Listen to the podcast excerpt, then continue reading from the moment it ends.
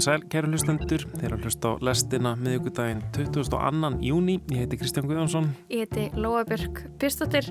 Love, Death and Robots, ljúfur gítarleikur og feminísk sjálfsvörn er á dagskrá í lestinni í dag. Já, á förstu dag kemur tónskáldið og gítarleikarin Brynjar Daðarsson fram á tónleikum í Mengi á samt hljómsveit. Hann gáði sína fyrstu plötu í desember, Pretty Late, sem kom út á vegum Mengi Records en upptökum stýrði Skúli Sverrisson. Tónlistin er sveimandi tilrauna tónlist, þar sem að gítarin er í fyrrúmi. Við ræðum við gítarleikarin unga Brynjar Daðarsson. Þetta er líka ekki mikið af leiðurum í músikinni. Það var ekkert svona mikið til að mixa þannig sé um, ég held að það hafa verið bara svona að hafa hvert sand sem skiptir máli í, í upptökunum og láta það skýna í gegn Eftir að hafa reykist á bók eftir konu sem hafi kent feminíska sjálfsvörn í 30 ár setti Elinborg Hörpu og Önundadóttir sig í samband við hana og óskaði eftir því að fá að læra af henni. Og nú um helgina standa félagsamtökinn slagtók fyrir námskeiði í feminískri sjálfsvörn fyrir konur og transfólk. Við ætlum að kynna okkur þetta fyrirbæri sem er samkvæmt Elinborgu öflug forverð gegn kynbundnu ofbeldi en einhverju leiti snýst feminist sjálfsvöld líkum það að minna á og kenna að þú, konur og hins veginn fólk er nógu stert og nógu öflugt til að geta tekið ákverðun hvað þau vilja gera í þessu mómenti þar sem ofbeldi verður. Þriðja þáttarauðin af teiknumyndaþáttunum Love, Death and Robots er komin á streymisveituna Netflix. Hver þáttur er sjálfstæði saga, teiknuð í sínum sérstaka stíl en allir takast þættirnir á við framtíðina, tækni og vísindaskaldskappa. Salvar Bergman rínir í Love, Death and Robots. Fyrsti þátturinn er gerður í þrýveitarstýl og vélmennin þrjú eru nótuð til að draga fram hvað það er í samfélagsformgerð okkar sem geti útrunda okkur í náinni framtíð.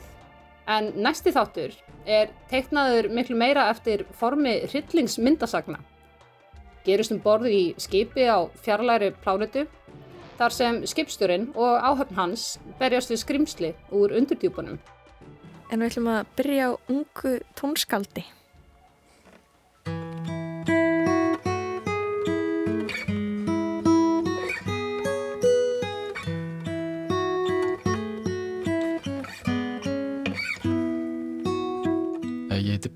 Daðarsson og ég er tónlistamær, gítarleikari og, og tónskald. Ég held ég að byrja í námi í, því ég var svona tíu ára eða eitthvað, uh, manna ekki nákvæmlega. En já, síðan þá hef ég verið að, að spila bara og verið í tónlistaskólum og fór í FIH og fór síðan það nefnir í LHI sem er í tónsmíðum núna.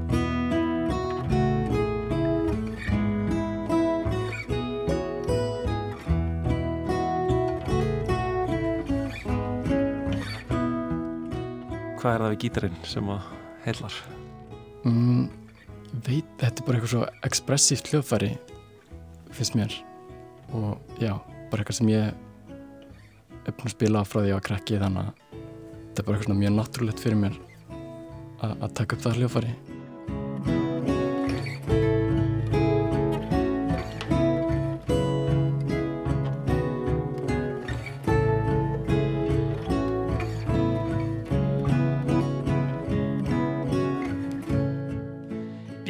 gafst út þína fyrstu plödu núna fyrir áramónd, Pretty Late, reyndar eh, ekkert það late í, í þá þínum ferli. Hérna, um, segðu mér hérna frá þessum eh, plödu, hvað hva hva var hún lengi í fæðingu og svona, hva, hvaðan sprettur hún? Ég held að laugin náalega aftur í fimm ár frá því að ég var í MH, bara eitthvað að byrja að semja mín einn músík og, pæla svona í einn tónsmíðum og síðan fór ég í tíma hjá skólasæriðsinni í FH og það er hann svona fóru að pælja að geta út á plötuformi þessa músík og, og já og bókuðum hann að sundlegina og, og hann var upptökustýra og, og það var svona, svona byrjun á ferlina á plötunni. Og sem tók ég alveg svona ári að taka upp yfir þær upptökur og svona hitta þetta sem fannst vanta inn í músikina og, og já, þetta var svona doldið hæg fæðing af, af þessari tónlist. Mm. Hún er svona lástemd og, og hérna minimalísk en það er samt er einhvern veginn mikið í gangi og ég myndi ekki dýmynda mér að það sé svona einhvern veginn nostrað við hvert einasta hljóð Akkurat.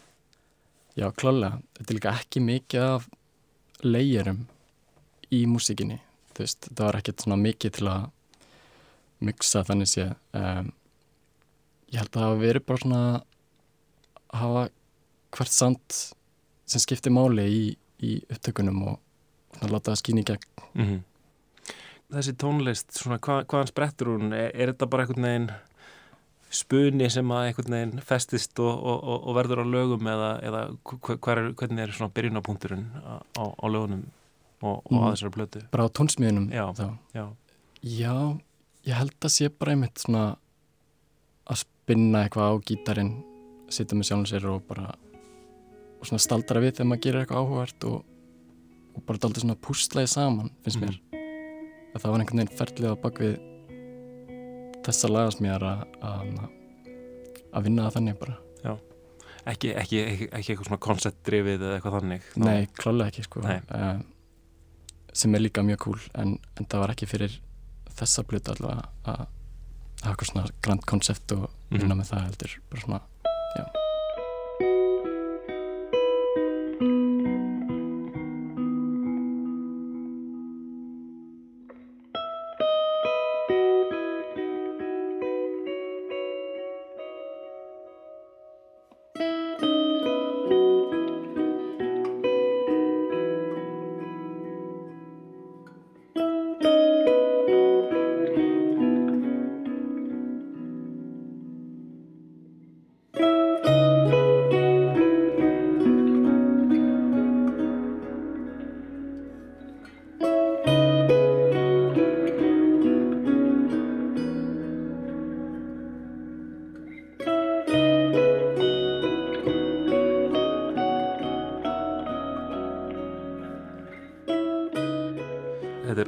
ósungin tónlist og, og gítarinn alltaf svona einhvern veginn drivkrafturinn aðna og svo önnur hljóðfæri sem, a, sem að skreita og, og, og leika við gítarinn einhvern veginn.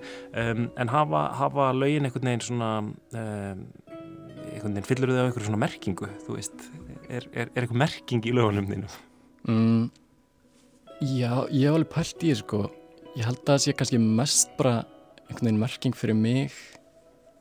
Þú veist eins og lagatillanir vísa í staði og, og hluti sem eru kannski mér mjög kærir. Mm -hmm. og ég kannski hefði það á bakvið eira þegar ég er að gera músikina uh, það er kannski ekkert eitthvað svona fyrir hlustandan held ég að ég veit það ekki. En hún er, já, hún er svona hún er einhvern veginn, uh, tónlistin er mjög um, einhvern veginn líðandi einhvern veginn og, og svona e, ég get ímynda mér einhvern veginn að það sé gott bara einhvern veginn að setja hann á og fara í bara eitthvað svona hugleðslu ástand mm. svolítið, svona, það er einhver svona ambient feelingur á þessan hátt í einnig sko. klálega þetta er kannski svona músik sem er alltaf erfitt að skilgrina uh, en já, ambient er definitely svona eitt af mm. manna, myndi ég segja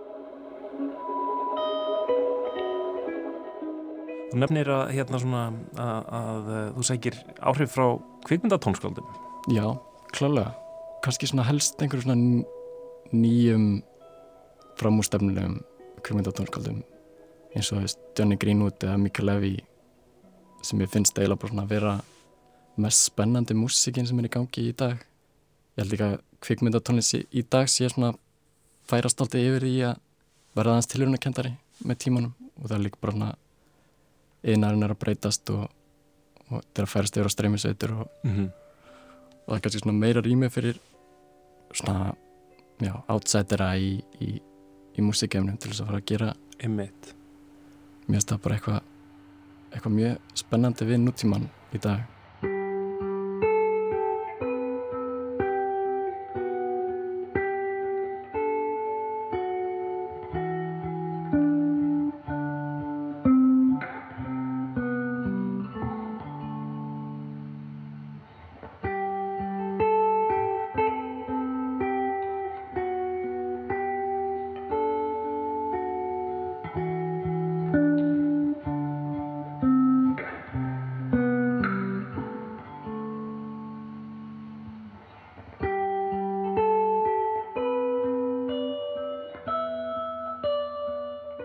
titillin á plötunni? Af, af hverju, hverju Pretty Late?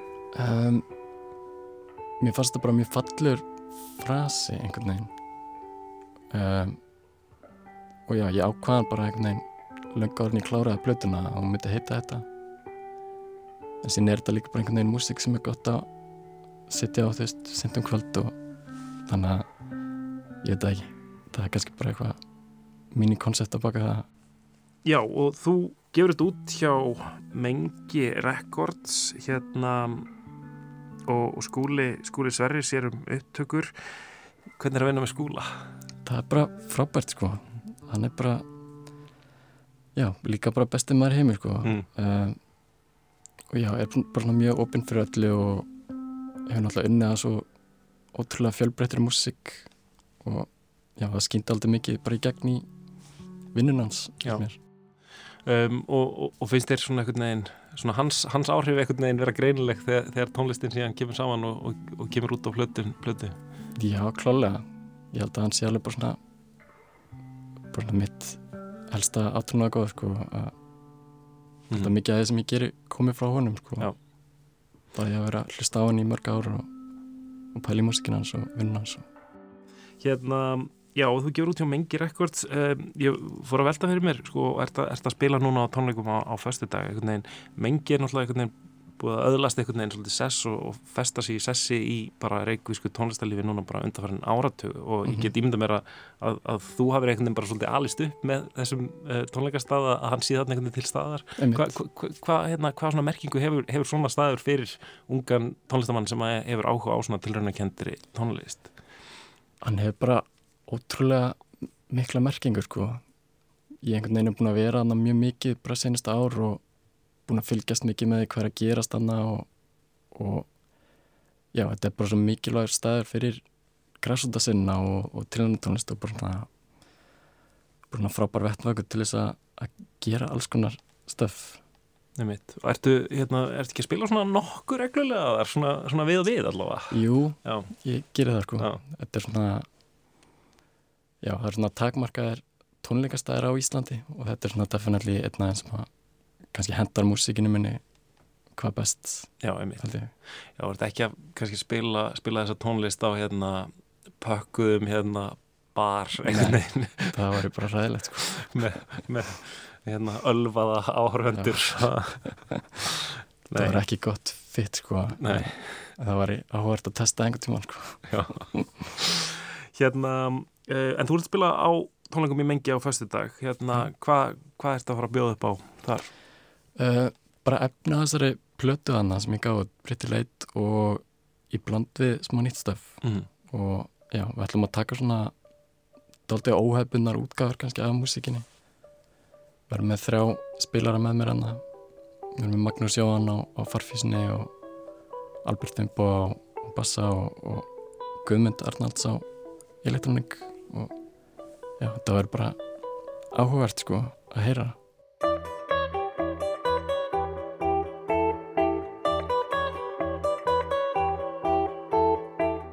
Brynjar Daðarsson, takk alveg fyrir kúrin lestina og gangiði vel á tónleikunum á, á föstudag. Takk fyrir það, takk fyrir að fá mig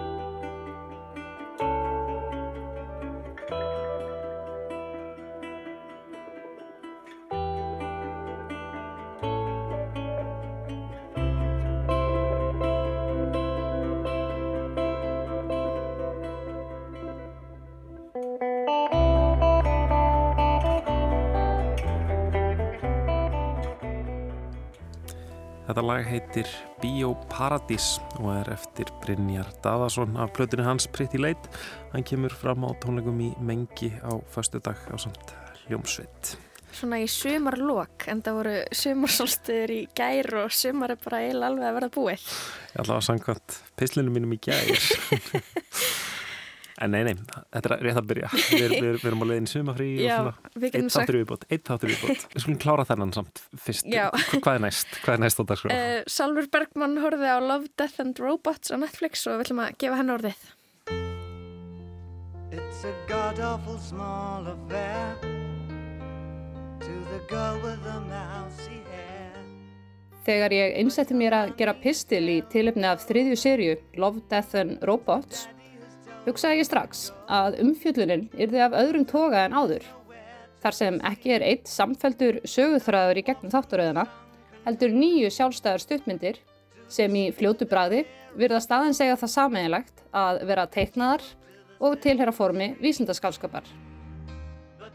Fyrir þá sem ekki hafa fylst með þáttunum frá því að fyrsta serían fór í loftið árið 2019, þá eru þeir skapaðir þannig að hver þáttur er gerður í mismunandi teiknumyndastúdíóum í mörgum löndum, þar sem hver saga fyrir sig er sjálfstæð og skrifuð af mismunandi höfundum. Framlýslan í heilsinni er síðan styrt og sköpuð af Tim Miller og fyrirtæki hans Blur Studio á vegum streymisveitunar Netflix. Það fyrsta sem ég spurði mig því að var hvernig ég myndi fara að því að greina nýju mismunandi sögutræði í einni samfældri umfjöllun. Ætti ég að brjóta niður hvert þátt fyrir sig eða reyna að finna í þeim öllum eitthvað samiðilegan bóðskap? Ég áttaði mig hins vegar fljótlega á því að svari sem ég leitaði að lindist í spurningunni sjálfri. Aðferðafræðin á bakvið Love, Death and Robots er nefnilega alls ekki ólík ferlinu við að greina mismunandi skemmtiðefni og skrifa um það pistil hverju sinni. Hægt er að líta svo á að hver þáttur sé eins og pistil útaf fyrir sig. Eins konar stutt ríkgerð um mannkinnið í mismunandi búning hverju sinni. Í framhaldi getum við síðan ímyndað okkur að þátturöðun í heilsinni sé eins konar sabritt þar sem mismunandi greinarhöfundar eru samankomnir til þess að fjalla um tilvistakreppu mannsins á þann heimsbyggilega hátt sem vísindaskálskap einum er lægið. Okay, but Mars? I mean, it's dead and lifeless. They could have taken the money they spent on the spaceships and used it to save the planet they were already on. What's the fun in that? I hate to say it, but humans are the actual worst. Humanity had all the tools to heal their wounded planet and save themselves, but instead they chose greed and self-gratification over a healthy biosphere and the future of their children. As the great human philosopher Santayana once Hey, said, shut up, that's boring! You guys, I think one of these rockets actually launched. Come check this out! Að því sögðu er samt að finna í nýju seríunni vissar endurtekningar frá þeim fyrri. Rétt eins og ef um sabrit væri að ræða, snúa sömu höfundurnir stundum aftur til að útfara eigin reitgerð en frekar. Fyrsti þátturinn í þriðju seríunni er þannig gerður af sama teiminum og gerði fyrsta þátt í fyrstu seríu.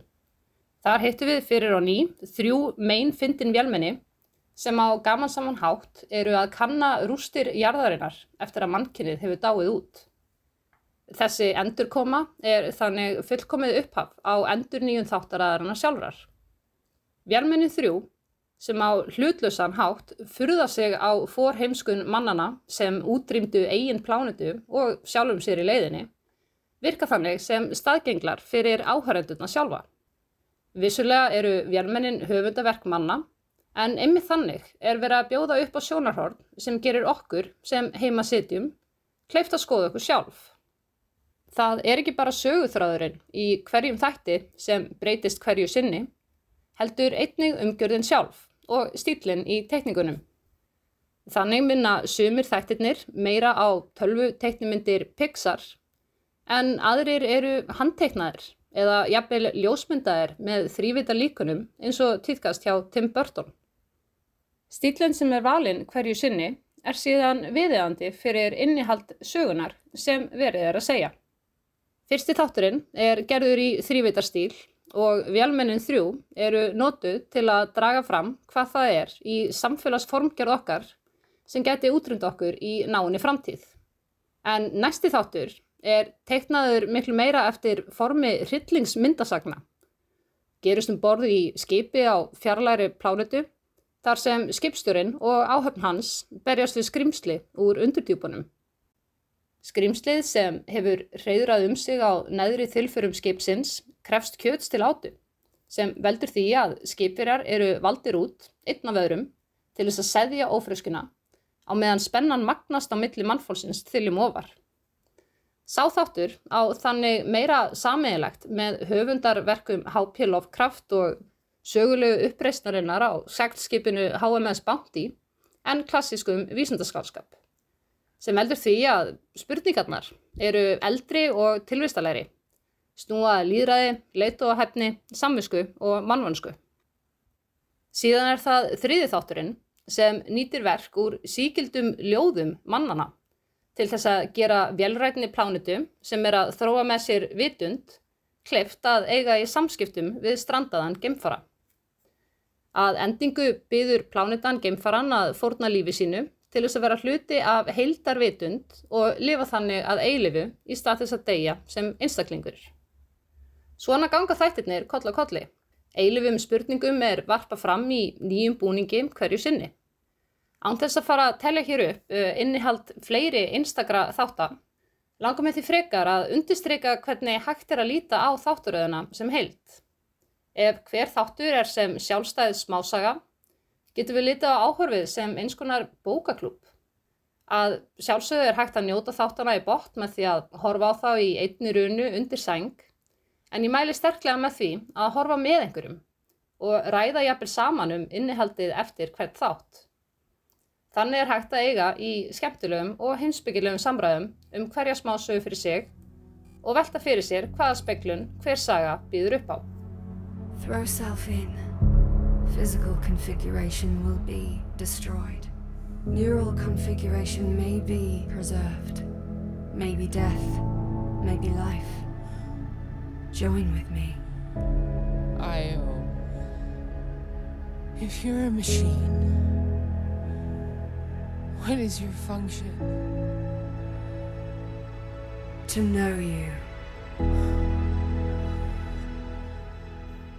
Sér þú nú þegar einn af aðdáðandum þessara þátta úr höfundasmiðu Tim Smiller? Horðu þá endilega á nýju seríuna en hún er svo sterkast að hinga til að mínu mati. Ef þú er ekki fylst með þáttunum nú þegar, þá er sannarlega komin tími til þess að byrja og njóta alls þess sem er hafa upp á að bjóða, hvort sem það er veistla fyrir augu og eiru eða ríkulegt hlaðborð af tilvistalegum vangaveltum, heimsbyggilegum spurningum og samfélagslegri naflaskoðun.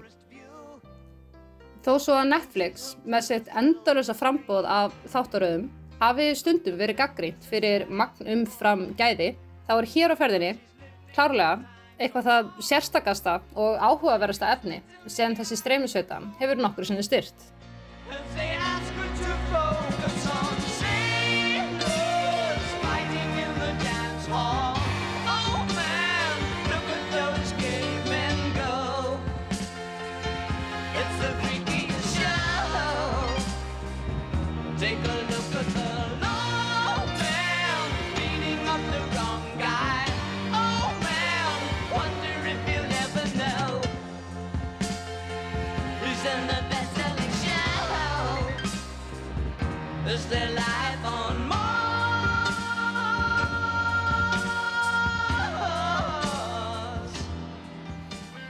Þetta var hún Salver Bergman og við erum annað lægið Life on Mars með honum David Bowie. Já, hún var að tala um uh, þættina Love, Death and Robots á Netflix, svona vísindaskáldsagna teknimynda þættir sem er svona, hérna, ég tengi svolítið eh, hlut sem að hefur verið svolítið ábyrjandi á netinu undanfanna daga. Hérna, ertu búin að taka eftir þessu, hérna, gerfegreindar myndunum sem er út um allt? Jú, ég er eitthvað aðeins búin að að skoða þetta. Ég hef reyndar alveg skemmt mér konunglega að skoða svona alls konar mismunandi myndir sem að, hvað er þetta þetta, þetta, gerfugrænt sem teik, býr til myndir eftir Mm. einhverju forskrift? Já, sko, ég meina að það hafa kannski margir séð þetta að það svona byrtast oft svona nýjum áþekkar myndir af einhverju svona frekar surrealískum fyrirbærum, fólk er að deila svo Twitter eða Instagram og, og víða eh, og svo með einhverju svona lýsingu um, hvað er það besta sem þú ert búin að sjá? Ég held að það hafi verið þarna, eitt sem bara sem ég man núna var þarna The Shire, hvað heitir það eftir á íslensku, Lord of the Rings? Já, emmitt hér að Hér að þið Já, hana. Sem hobbitandir Já, búa. sem hobbitandir búa í Mhm. Lord of the Rings um, ja, með Google Street View. Já, Það var gott. Og þá byrta svona nokkra myndir að því sem að semst þetta tauganett uh, ímynda sér að, að uh, Shire, uh, hér að þið uh, lítur út með tauganetti. Ég sá, sá ein, einhver var að prófa að gera íslenska þingmenn þá byrtust bara myndir af einhvern svona formulegum köllum. Semst tauganettið ímyndaði sér íslenski þingmenn litu, litu þannig út, allir svona svolítið svona durgsleir einhvern veginn. Já, áðan þá settum við nafn á yfirmannum okkar og svo on vacation og þá var hann að skýða Það er hægt að gera alls Það er konar að gera ímislegt, en þetta er sem sagt uh, tæki sem heitir uh, Doll-E Mini. Já. um, og þetta er sem sagt uh, kemur í rauninni uh, uh, sko, þessi tækni, þessi tauganettstækni sem, sem að blandar saman einhvern veginn orðum og myndum þetta er, hefur verið gríðarlega þróun í þessu bara svona undanfæri ár núna Hvað, tauganet, þýðing og hvaða ennska orði er það? Er það eigi? Neural Network held ég Neural Network, Já, ok, einmitt. En uh, sko þetta virkar í rauninni þannig að, að það er fyrirtæki sem heitir OpenAI um, bandarist fyrirtæki sem Elon Musk stofnaði 2015 eða eitthvað svo leis sem er mjög framalega í svona gerfigreindar um, þróun um, sem sagt bjóð til eitthvað líkan uh, ég kann ekki að útskýra þetta almennilega en allavega uh, mötuð eitthvað svona líkan af einhverjum 400 miljón myndum og letu líkanið bara læra að skilja myndir og tengja við ákveðin orð. Þannig að núna þegar fólk einmitt skrifar eitthvað inn í um, þetta litla, litla app eða þessa litlu versiðu um, einhver, e- e- einhver orð þá skilur uh, þetta líkan orðin og getur ímyndað sér myndir. Mhm. alveg, mjög, á alveg mjög skapandi hátt eins og getur til dæmis skrifa bara Shrek, eh, teiknumynda, græna teiknumyndapersonan Shrek Mhm. sem býr í mýri uh, málaður af Monet Einmitt. og þá kemur Shrek eins og Monet Nákvæmlega. listmálari hefði mála og verður oft mjög skemmtilegt um, um, en það sem er svolítið merkilegt er að það sem að fólk er að nota á netinu, svona almenni notendur það er uh, bara sko míní útgáfa af þessu forriti í raunni. Þannig Mm, að ef ég maður er með sko eitthvað ofurtölvu Þetta er ekki fullur aðgangur sem maður Nei, hefur að alls þessu ekki. einmitt, Þetta er bara, þetta er svona brota brot þannig að þessi tækni sem að, sem að, sem að fólk er einhvern veginn að leika sér með er bara pingulítið brotaði sem að þetta raunverulega getur sko. er, er, þýðir þetta þá að núna þú veist, er, kannski erum við bara að sjá fram á það á kannski næstu árum að ég, ég er ekki lengur að fara að, að ringja eitthvað listmálar og segja ég hef verið til í mynd af ketti Mhm. eh, fyrir framann húsi mitt og ég ætla að hengja myndina inn í, upp í húsinu mínu Já. um, getur bara skrifa bara cat in front of uh, Nei, house in Reykjavík eitthvað. og þá kemur myndin. Já, málarinn er algjörlega. Já, en sko, minna, við höfum alveg svolítið fjallað um þetta í lestinni um, sko rétt eftir áramót þá töluðum við Hafstein Einarsson sem er uh, tölvunafræðingur, hann var semst búin að vera að nota svona svipuð tauganett og, og, og svona lýsingar til þess, og, til þess að búa til lítil listaverk sem hann, sem hann notaði síðan og seldi sem, svona gjafamiða á, á jóla, eða svona jólagjafamiða Þannig að hann, hann, hann var svona byrjaður að, að- leika sér með þetta núna um, fyrir jól. Svo töluðu við við um, Flóka Sigurjónsson og, og pappans uh, Sjón sem voru farinir að nota þetta núna fyrir nokkur mánuðum að, að einhvern veginn láta ljóð Sjóns uh, verða lifna við með svona myndum svona gerfigreindar uh, hönnuðum myndum. Þannig að svona listamenn eru aðeins listamenn og, og tölunafræðingar eru farinir að leika sér svolítið með þetta. Og það er svona spurning einmitt, hver framtíðin verður í þessu? Nákvæmlega núna er þetta svona svolítið svona, þetta er svolítið svona gimmick. Já, og eins og þessar myndir eru einhvern veginn að koma út þá eru þær uh, þær, þær eru rosa bara fyndnar. Þetta Já. er alltaf svona oftast einhvern veginn svona smá misefnað og, og það er líka það sem er fyndið og skemmtilegt við þetta áhugavert hvernig uh, forritið kannski klúðrar eða miskilur Einmitt, getur líka verið já, það er skemmtilegt. náttúrulega það sem er skemmtilegt kannski nákvæmlega núna. Ég býð bara eftir gerfi grendar uh, lestarþætti. Algjörlega, við skulum bara fara að gera hann. En kannski eitt, eitt í viðbót sko, að, að það er fólk sem er farið einhvern veginn að sérhæfa sig í sko, að því að kunstinn við að gera góða myndi í þessu er að vera með réttu lýsinguna og er með góð, er réttu orðin sko. Einmitt, ég er Þannig að búið að vera mjög erfitt. Þannig að ef, ef, ef þú ert að fá ljótar myndir þá er það að því að lýsingin er of léleg. Ég er að skrifa of léleg fyrirmæli fyrir og það er alveg fólk sem er að sérhæfa sig í þessu og bara svona selja aðgang að, hérna, að færni sinni í þessu í, í því að uh, stunda það sem að heitir prompt engineering prompt er þessi, þessi stikkorð sem að eru lýsingarorðin einhvern veginn sem að maður notar þannig að fólk er bara veginn að fara að sérhæfa sig í þessu og eru svona prompt listamenn og eitthvað svona stikkorða listamenn Virkilega áhugavert. kannski þurfum við að kaupa, kaupa okkur aðganga að því Já. til þess að fá betri myndir af yfirmanni okkar á um, Skýðum. skýðum en við ætlum að snúða okkur allt öðru Já, við ætlum yfir í allt annað feminíska sjálfsvörn.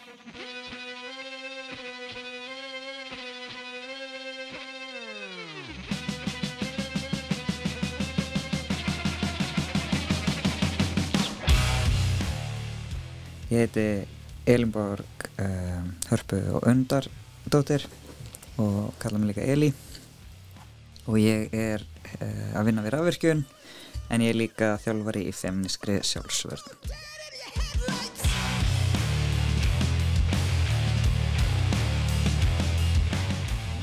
Hvað er feminísk sjálfsvörn? Um, feminisk sjálfsvörn er sjálfsvörn sem er byggð á feminiskri hugmyndafræði og feminiskum gildum. Það er litið á hana sem forvörn gegn ofbeldi eða gegn kynbundu ofbeldi sérstaklega. Þó að uh, inn í hana spilist líka af því að þetta er feminist þá er líka tekið tillit til svona samtfinnun kúunar þannig að rasismi, uh, homofóbía, transfóbía, föllunafordómar, ableismi, aldursfordómar, allt þetta. Þú veist er líka tekið náttúrulega inni að þetta tvinnast allt saman af því að konur eru alls konar.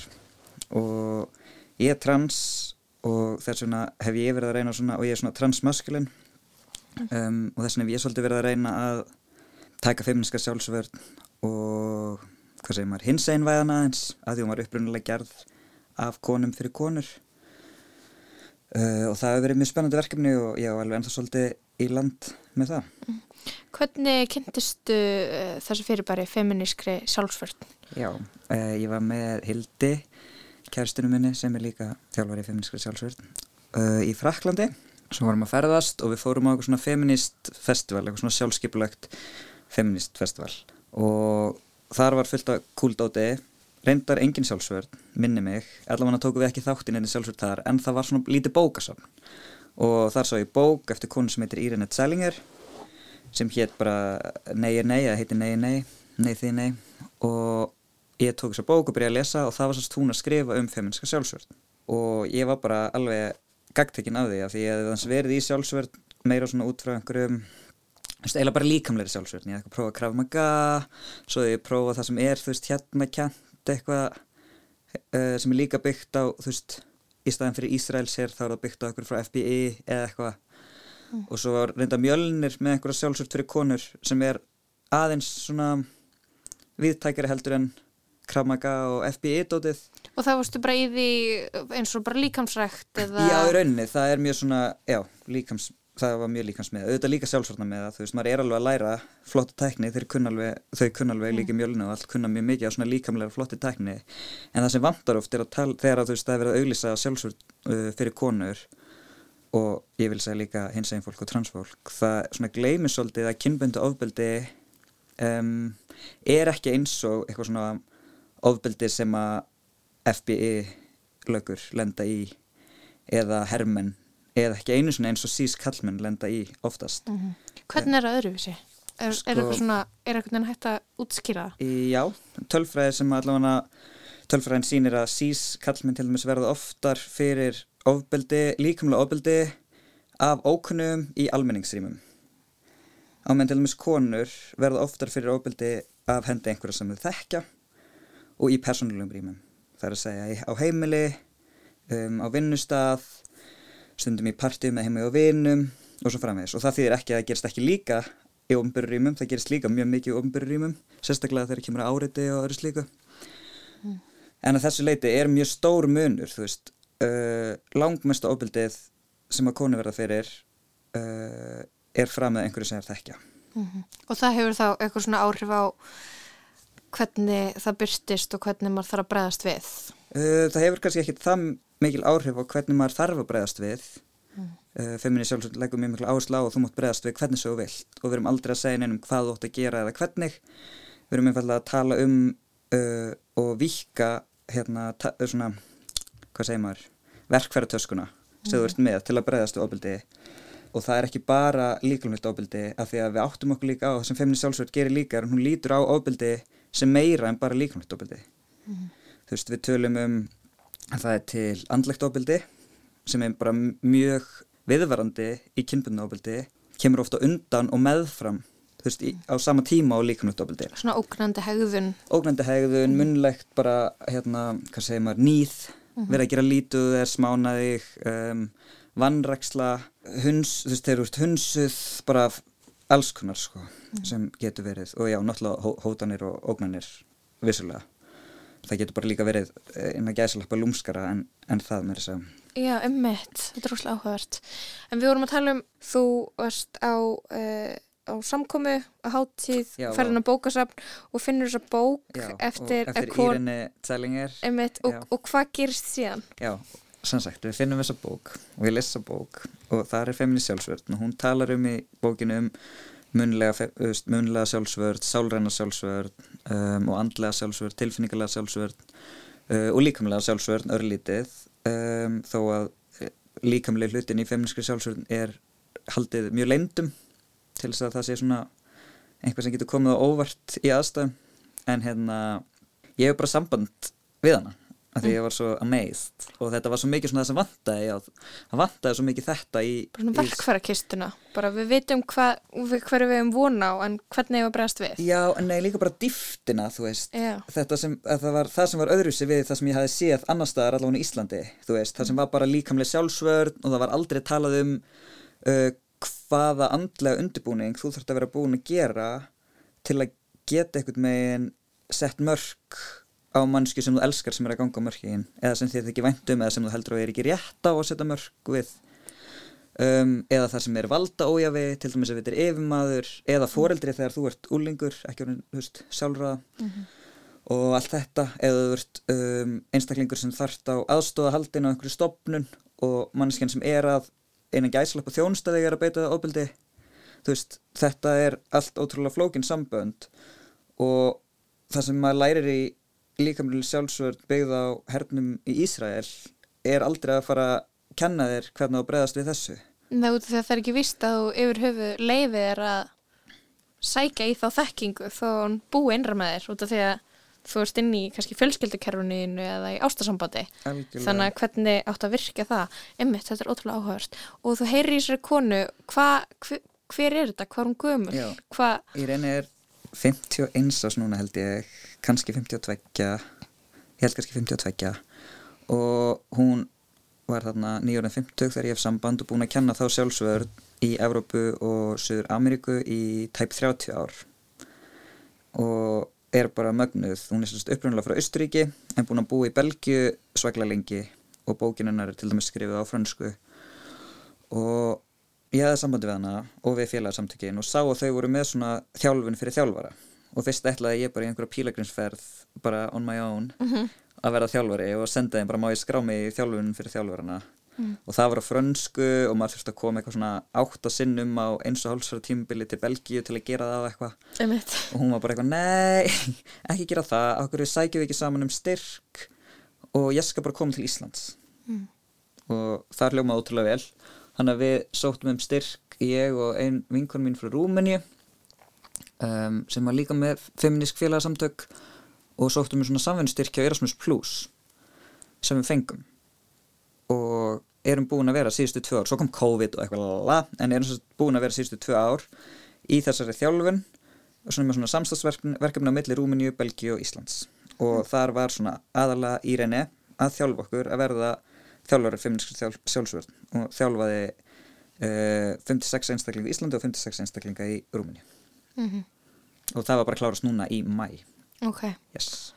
og nú ertu reyðubúin að uh, þjálfa íslenska konur og, og hins einn fólk í þessu hvað stendur til? Já, ég er um, ég er algjörlega reyðbúin í að þjálfa hins einn fólk og, og konur á Íslandi þurfa ekki að vera íslending, íslenskar.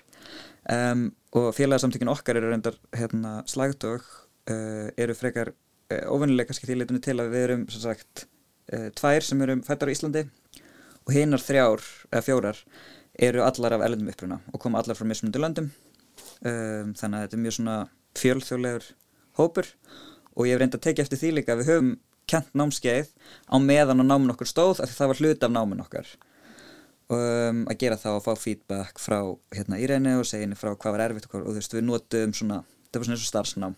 Og þá auglistu við námskeiðin og langmest af fólkinu sem kemur á námskeiðin eru uh, konur af erlendum uppruna. Og mjög lítið í rauninni af hérna, íslenskum konum sem hafa komið á námskeið ég held einu sinni námskeið bara fyrir hins eginn fólk og þá kom alveg hérna, íslenskt fólk í meiri hluta.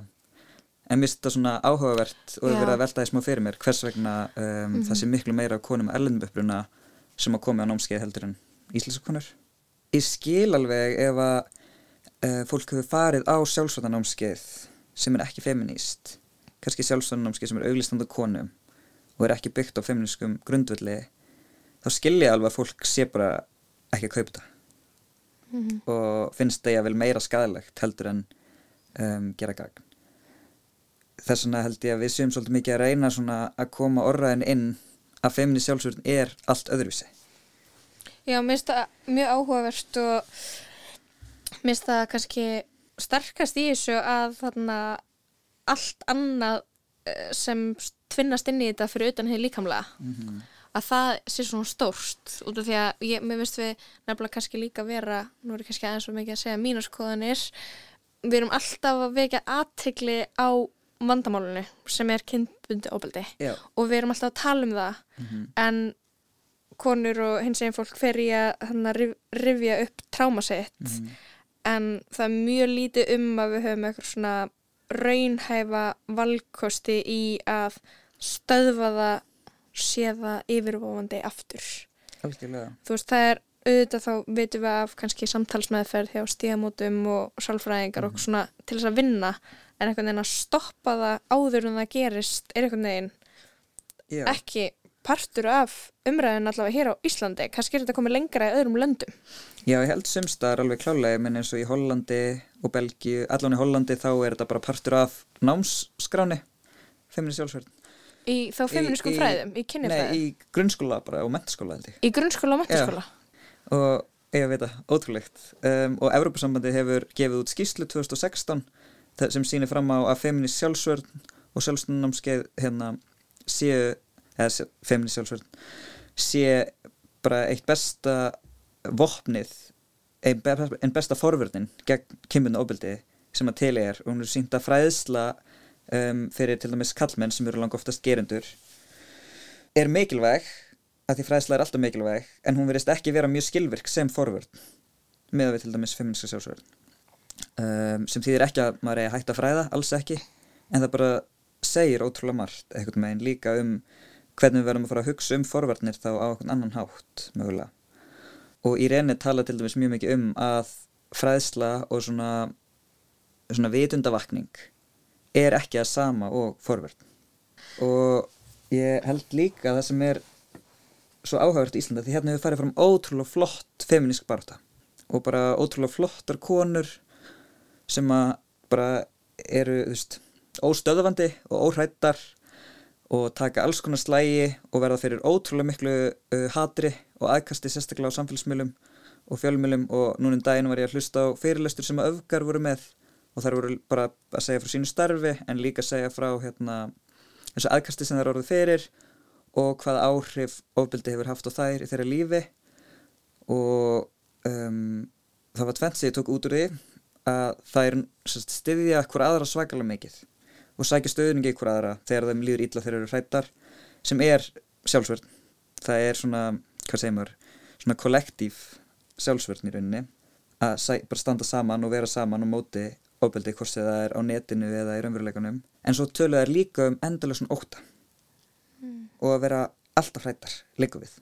Og ég held ég hef heyrt þetta frá, frá fleirum að þú veist ef þú ert að lappa ein heim á djáminu þó sé enginn í kringu þig þá ertu bara eitthvað með liklana á milli fingrana skiluru og bara síman í henni eða byrjar að þykjast hringi einhver þegar einhver er svolítið langt í burtu og þú ert ein og eitthvað svona þessi ótti sem þær sögðu bara upplifa stöðugt. Þetta er eitthvað sem að feminist sjálfsverð til dæmis og hefur verið sínt að feminist sjálfsverð minkar ótrúlega mikið. A af því að þú uh, færð tól sem þú getur beitt og ég veit ekki hvort að fólk kannski sem er með kvíða til dæmis þekkir þetta kannski um, þetta er smá svona líkt já, þú veist ef þú veist hvað þú getur gert í ákveðnum aðstæðum þá hræða aðstöðunni þér minna. Mm. ef þú ert með plan skilur, ef þú kant fyrstu hjálp, þá finnst þið minna stressandi ef einhver í kringu þið getur fengið hjartafall. Mm. veist, og það er ekki að sama ofbeldi af því að ofbeldi náttúrulega um leið og verður ofbeldi þá er það gerandin sem ákvaða varð ofbeldi. En einhverju leiti er snýst feminist sjálfsvöld líka um það að minna á og kenna að þú konur og hins veginn fólk er nógu stert og nógu öflugt til að geta tekið ákvörðun hvað þau vilja gera í þessu mómenti þar sem að ofbeldi verður. Og þau geta alveg ákveðið að ofbeldið fari í hináttina verandi þá sjálfsvörn. Og það er einhver svona narratífa sem við fáum aldrei að heyra. Þú veist maður fær miklu meira að heyra bara að einhver menn, konur tapa alltaf skiluru, þær verða aldrei sterkur kallar uh, og allt þetta sem þú veist Já, er líka kúntól og við heyrum eiginlega aldrei heitjusögur af, af konum Algjörlega. í ofbildis samskiptum Nei, og ekki bara heyru verð ekki heldur, konur gera líka ótrúlega oft og hins veginn fólk gerur ótrúlega oft lítið úr sínum sigurum tala um þessi heppni. Ég er bara heppin að komast í burtu. Og eitthvað svona og sjá, sjá ekki að uh, þær tóku oft ákvarðanir og gerðu hluti sem urðu til þess að aðstæðna leistust og feminist sjálfsvöld leggur um þessu miklu áherslu á það það er aldrei neitt eitthvað rétt eitt rétt og þú þarft ekki að verja þig þó þú ferð á sjálfstöndnámskeið skilur stundum er það að ákveða að verja sig ekki líka að verja sig af því maður bara er ekki til í það en þessi tilfinning að hafa val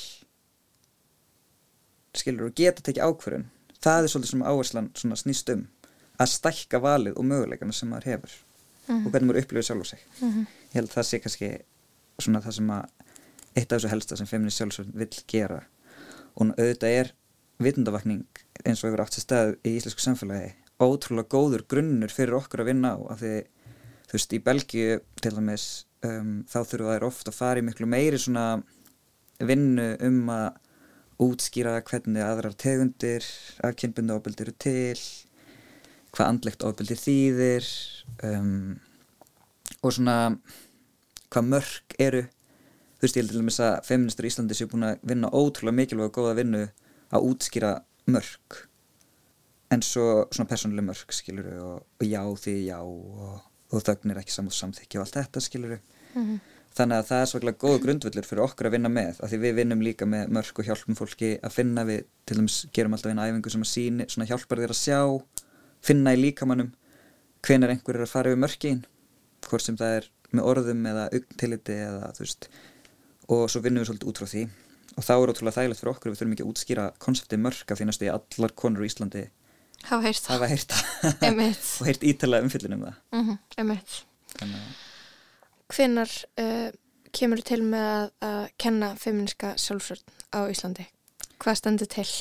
Uh, við erum með námskeið, helganámskeið núna um helgina, 25-27. júni uh, það er laugadagur og sunnudagur og er alveg frá 10 til 5 báða dagana. Um, og það þarf samt ekki óttast af því þetta er ekki, við erum ekki eitthvað að gera armböður og púla og hlaupa frá 10 til 5 við gerum eiginlega engar armböður og hlaupum ekkert. Mhm. um, þetta er mjög bara aðgengilegt öllum alveg sami hvernig líkamlegu formið þú ert. Það er mikið af umræðum mikið svona fjöri og skemmtilegum æfingum. Og við höld, höldum alltaf þessi helganámskeið kannski svona einu sinni á tveggja mánuða fresti eins og er.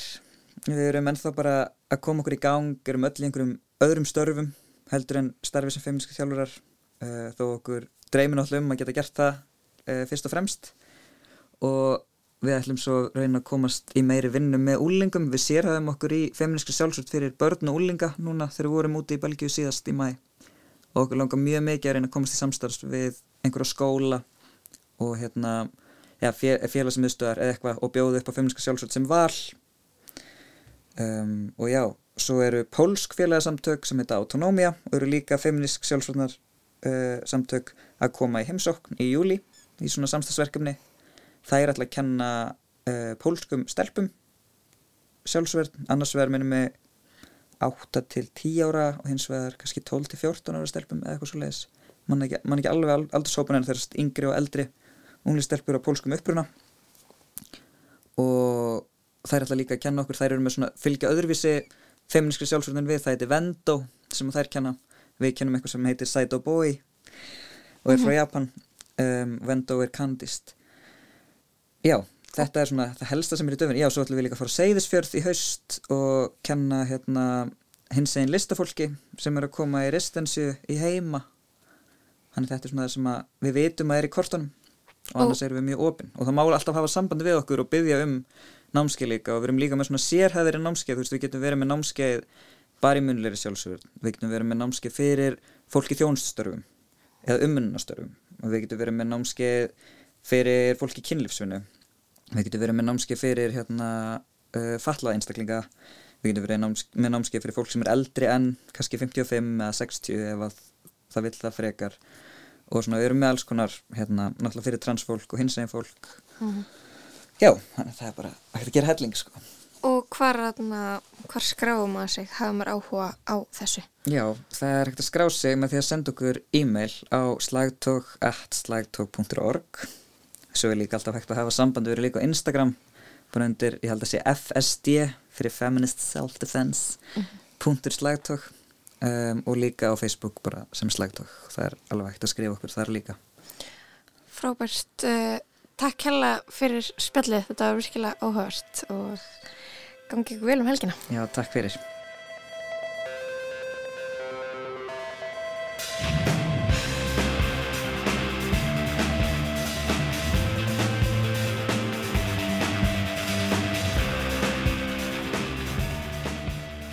Þarna rættum við við Eliborgu Hörpu og Öndadóttur um feminiska sjálfsvörn.